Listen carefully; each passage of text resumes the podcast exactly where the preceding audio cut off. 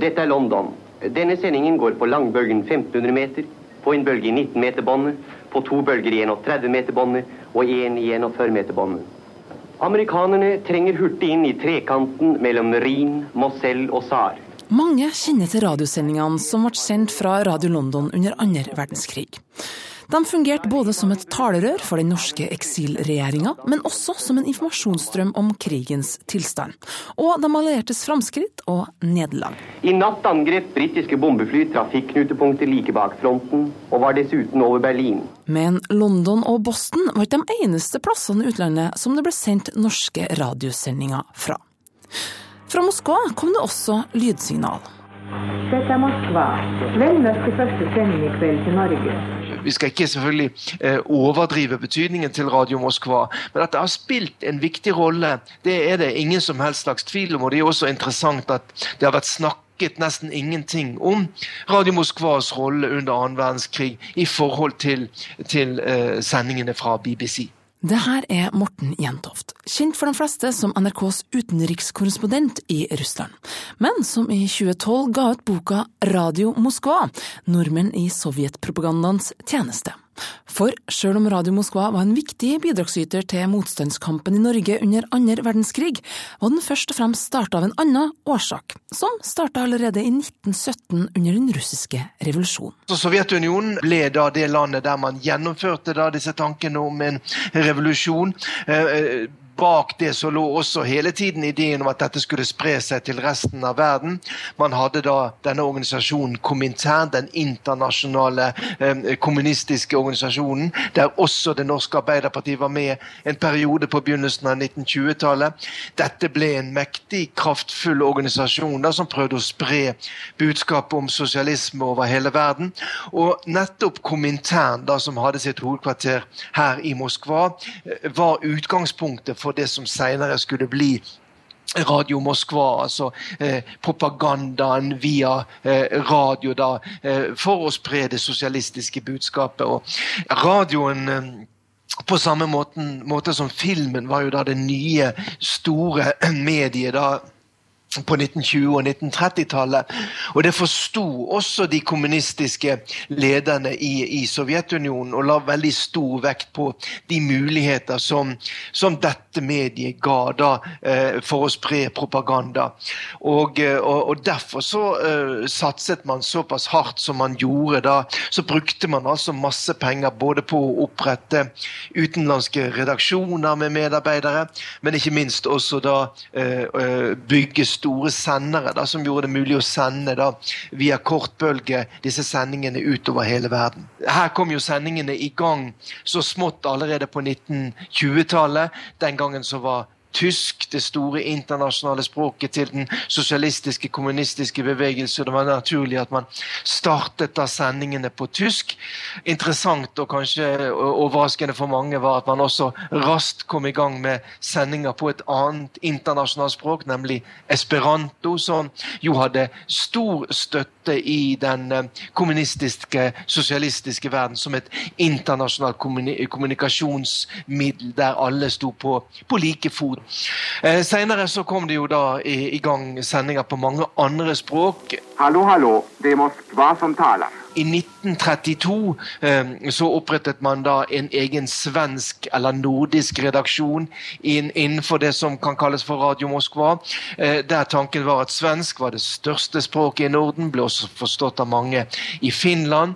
De finske militaristenes frekke provokasjon i sine imperialistiske oppdragsgiveres tjeneste og Sovjetregjeringens lugna, bestemte not av den 26. november.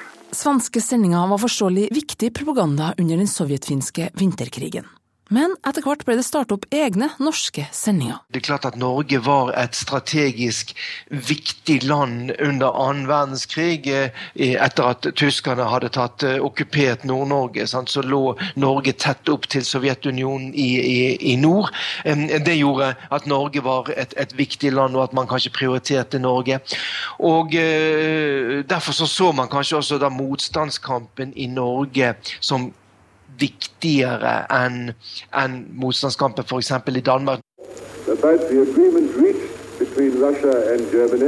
Sovjet inngikk som kjent en pakt med Hitler 23.8.1939, den tysk-sovjetiske angrepspakten starten på annen verdenskrig var nok en problematisk tid for medarbeiderne i Radio Moskva.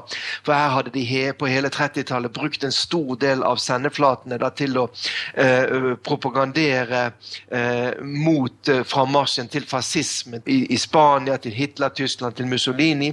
Og plutselig så måtte man altså slutte å, eh, eh å kritisere, angripe Tyskland. Det var nok en, en, en, en tøff tid, en ganske vanskelig tid for veldig mange mange i, i, i Radio Moskva. Men eh, man var vant til at man måtte bare godta det, det som kom fra toppen. For det var ikke snakk om mye redaksjonell frihet de ulike redaksjonene i Radio Moskva hadde den gangen der. Innholdet i dem det var hele tiden på en måte et slags speilbilde av offisiell sovjetisk politikk. og Her skjedde jo endringene veldig fort. og Her fantes det jo da en, en, en sentral redaksjonsledelse, russisk-sovjetisk redaksjonsledelse, som bestemte selvfølgelig hvilke ting som skulle på lufta. Det eh, var både under krigen, og det var også samme etter krigen. og eh, Det ble jo etter hvert en tvangstrøye, syns jo mange av de norske som jobbet der.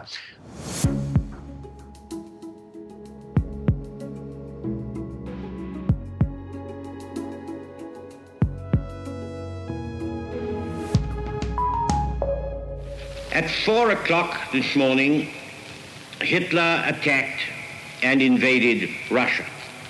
Tysklands angrep på Sovjet den 22.6.1941 ble ikke bare kanonskuddet som virkelig satte fart på krigen, det ble også startskuddet for de første norske regelmessige sendingene fra Radio Moskva, og propagandakrigen mellom Tyskland og Sovjet var i gang plutselig så var da situasjonen en helt annen, og nå eh, kunne man da eh, bruke hele skytselen på å angripe eh, Hitler-Tyskland. Noe selvfølgelig de, de, aller fleste i, eh, i, i, redaksjonene i Radio Moskva, de forskjellige redaksjonene, ikke minst i den tyske, da eh, hadde ventet lenge på å få lov å gjøre. Eh, det var jo selvfølgelig krigspropaganda, dette her. Og det var stort sett det da som fylte sendingene under, under krigen. Eh, der man fortalte at i første omgang at russ, de sovjetiske styrkene klarte å stå imot det, det tyske angrepet, og etter hvert da kom selv da på, på offensiven. Denne propagandaen, hvor mye av den var sann, og hvor mye var eh, overdrivelser og rent oppspinn fra russerne sin side? Ja, Vi kan jo godt si at selvfølgelig veldig mye var overdrivelser, sånn som det alltid er i forbindelse med en krig. Det ser vi jo senest eh, nå, det. Altså, i, i i, i, krig er sannheten ofte den første, første taperen. Um, og, og, og, og, antageligvis så var det også en god del oppspinn, uten at jeg kan dokumentere det her og nå.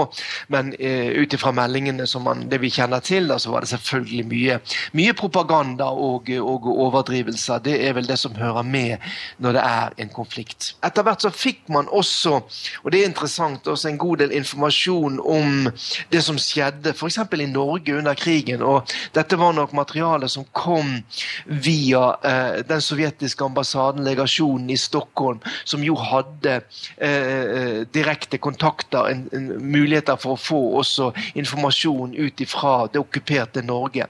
Så også om eh, det som skjedde i Norge, motstandskampen der. Dette var også stoff som, som begynte å, å, å, komme inn i sendingen etter hvert som man fikk tak i den informasjonen. Og sjøl om Norge offisielt var tømt for radioapparat, kom informasjonen seg til Norge via både London, Boston og Moskva.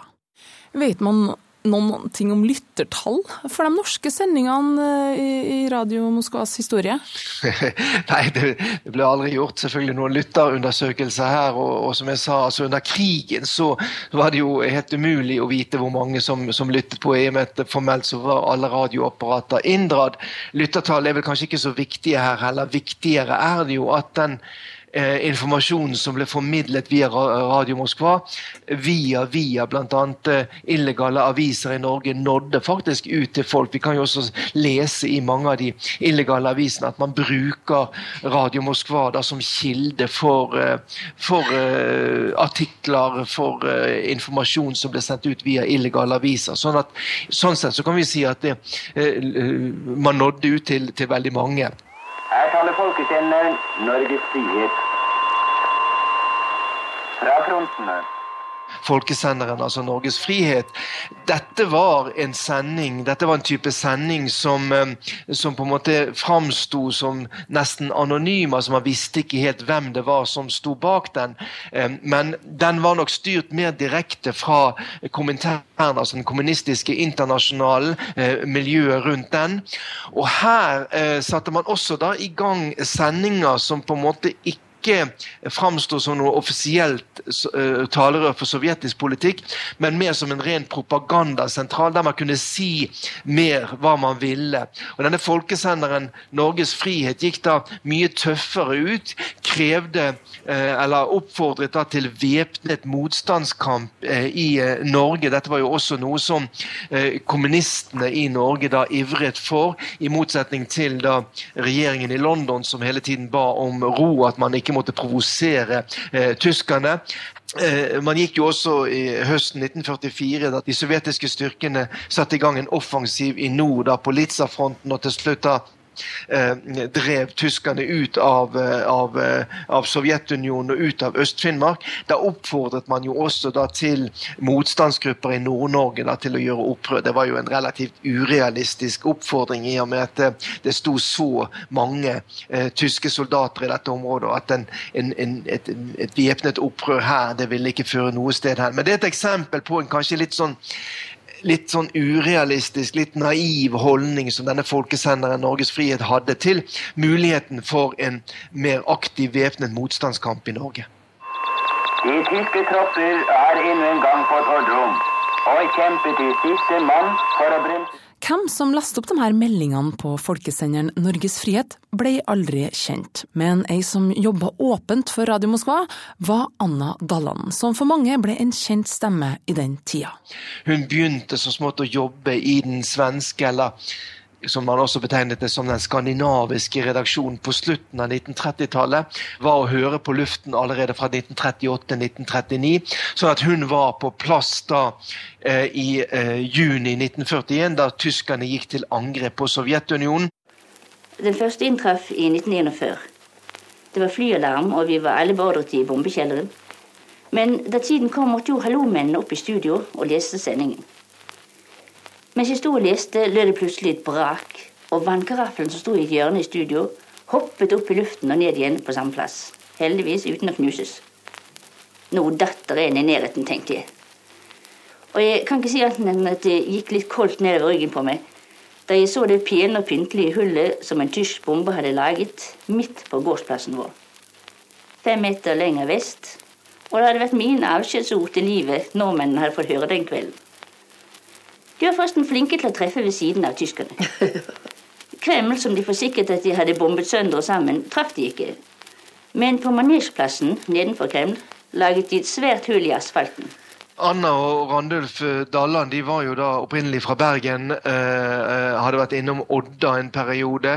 Og Randulf han ble da tatt opp på eh, en av disse eh, kommunistiske internasjonale skolene som var i Moskva på 1920- og 1930-tallet. Og um, Anna sammen med datteren Eva ble med til, eh, til Moskva. Eh, Randulf han ble sendt som såkalt frivillig da, til den spanske borgerkrigen, eh, som jo startet i 1936. og Der ble han tatt til fange av Francos eh, fascistiske soldater. Mens altså Anna og Eva ble værende igjen i Moskva uten å vite hva som egentlig hadde skjedd med, med Randulf. Og eh, Randulf Dalland han ble jo først da opprinnelig dømt til døden, men eh, klarte, eller ble etter hvert satt fri da fra fangenskapet eh, i, i, i, Spania. Eh, og, og kom til eh, til England, der han sluttet seg til da, de norske styrkene eh, i, i, i, England. Og det var i England han da fikk høre sin kone da snakke i eh, Radio Moskva. Sånn at de ble på en måte gjenforent da, eh, via, via, Radio Moskva.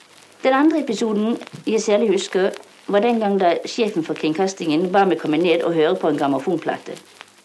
Han sa ingenting mer men da jeg hørte tonene til Ja, vi elsker, forsto jeg at nå var den første bit norsk jord befridd fra de tyske fascistene. Mine følelser akkurat da kan jeg vanskelig beskrive. Anne Dalland var en av mange norske medarbeidere som under denne hektiske krigssida ble rekruttert fra det lille norske miljøet som var i Moskva. Men det var ingen dans på rosa å jobbe i radio på den tida.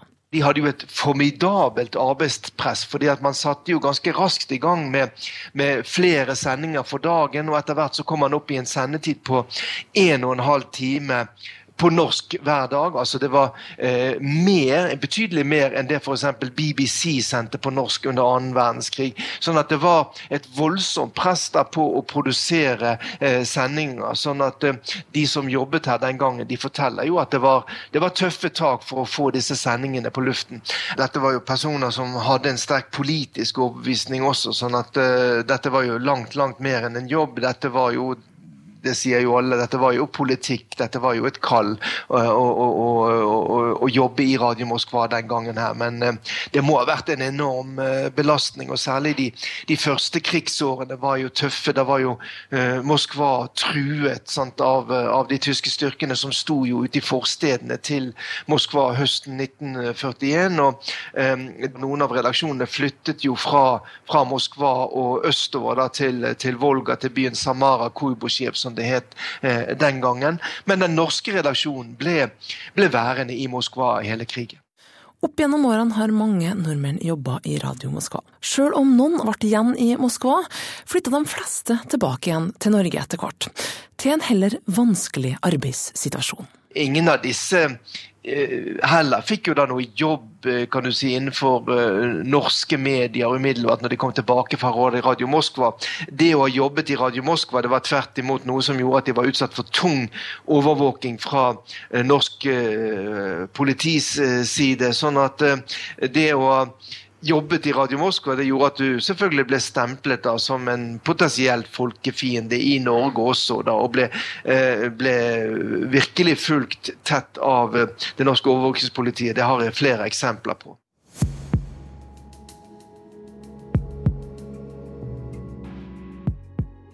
Freden kom, men ble raskt avvikla av den kalde krigen. Og Radio Moskva fikk noen faste lyttere hver bidige kveld året rundt i lang tid framover. Man fulgte jo med allerede under krigen sendingene fra øh, Radio Moskva. Men øh, så når den kalde krigen på en måte satt inn for fullt på slutten av 1940-tallet, så ble man mer oppmerksom på sendingene fra Radio Moskva som en, et middel som sovjetiske myndigheter brukte da, både til å, å drive ren propaganda overfor befolkningen i Norge, men også vurderte man det som et middel for å spre desinformasjon innad i det norske forsvaret. Og Det var noen episoder i 1951 som gjorde at man fra norsk side da valgte å sette i gang en relativt omfattende operasjon for å følge alle sendingene fra Radio Moskva, eh, analysere dem grundig, for å se hvordan man brukte Radio Moskva da til å formidle eh, informasjon til mulige agenter i Norge. Det var et samarbeidsprosjekt mellom den norske etterretningstjenesten og det norske utenriksdepartementet, så begynte man altså å gjøre opptak, skrive ned hver eneste sending fra Radio Moskva, og analysere disse, og også spre eh, eh, referater fra disse sendingene da, til statsminister, utenriksminister, eh, Forsvarets ledelse. Sånn at dette, dette ble en, en, en ganske stor, eh, stor operasjon, og som gjør at vi faktisk i dag også har eh, ganske god oversikt da, over eh, sendingen fra Radio Moskva eh, et tiår fremover fra 1951. Med disse ord erklærer jeg fjernsynet åpnet for ordinær drift.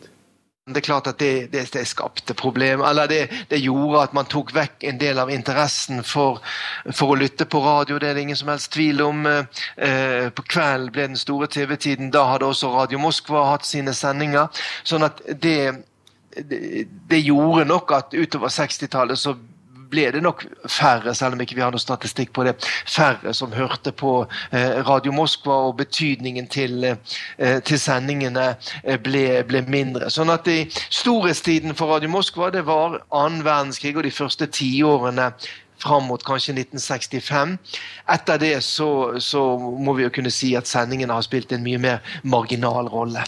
På 90-tallet så bytta Radio Moskva navn til Russlands stemme, men ble nylig en del av Sputnik News-portalen.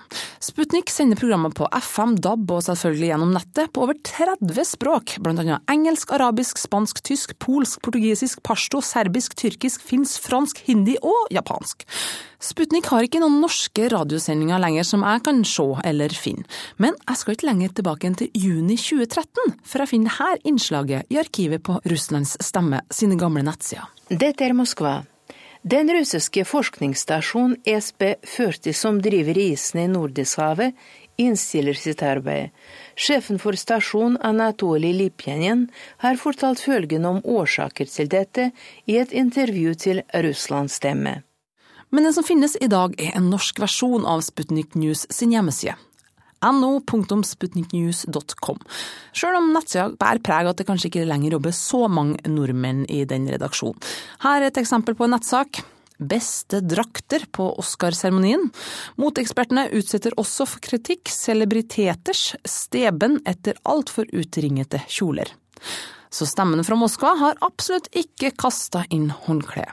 Du er NRKs Moskva-korrespondent. Igor Tsjub har tatt NRK med på en tur i et nabolag som for bare noen timer siden fikk merke krigens harde virkelighet. Morten Jentoft, Moskva.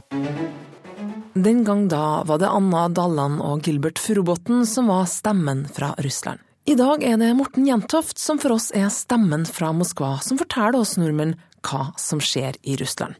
Hva tenker han om sin rolle i dag? Ja, Den er jo relativt forskjellig fra, fra det som Anna Dalland og andre hadde da, den gangen. Altså, jeg er jo en korrespondent som er utsatt sendt fra Norge. Jeg skal jo på en måte formidle det som skjer i Russland sett med, med norske øyne, mens deres oppgave var jo å formidle eh, det russiske, sovjetiske synet da, til, til verden.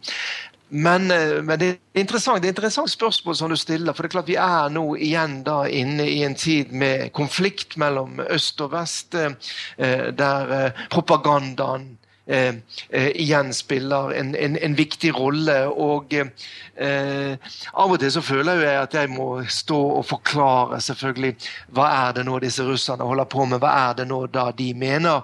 Men jeg håper jo at jeg kan gjøre det sett med norske øyne og, og vurdere de tingene kritisk. Men i en konflikt så er det alltid to sider, og det er viktig eh, når vi har den tøffe tonen som er i verden i dag, også å høre eh, hva eh, f.eks. russerne mener om viktige konfliktområder, Ukraina, Syria nå. Eh, at de også får komme fram med sitt syn, og så får vi da vurdere de tingene som de kommer med kritisk. Og jeg håper jo at eh, midt oppi dette her er i stand til å gjøre det. Så, så min rolle er jo en, en, helt annen enn det som eh, eh, medarbeiderne i Radio Moskva hadde. Hvordan føler du at du kan stå fritt til å eh, være kritisk og, og, og ja, Føler du noen, noe av det presset som den norske redaksjonen følte da, i og med at det her vil vi at du skal formidle, eller greier du å manøvrere deg fritt rundt omkring? Ja, vi er utsatt for et ganske kraftig kan du si, press. altså Ikke, ikke, ikke sånn øh, Vi er utsatt for en ganske kan du si, øh, jevn strøm av tilbud om informasjoner fra russiske myndigheter for at vi skal da formidle eh, deres syn. Her er de langt, langt mer aktive nå enn de var da jeg var korrespondent her sist, da på slutten av 1990-tallet. Samtidig så har jeg også dekket konflikten i, i Ukraina ganske tett da det ett og et halvt år jeg har vært eh, korrespondent her borte. Og her har det vært en massiv eh, kan du si, eh, press fra begge sider i denne, denne konflikten. da. Også, jeg skal ikke kalle det trusler, men relativt tøffe, hvis vi skal kalle det innspill, da, kommentarer fra, fra begge parter. Mm, også fra disse partenes støttespillere i Norge. sånn at det, det har vært en, en ganske tøff oppgave, men her må vi stå fast med eh, journalistiske prinsipper, journalistisk integritet, og jeg må stole på at jeg selv er i stand til å vurdere eh, situasjonen og formidle det, det som skjer eh, eh gjennom de inntrykk som jeg selv er i stand til å få, bl.a. ved å være eh, ute i konfliktområdet på begge sider, snakke med folk.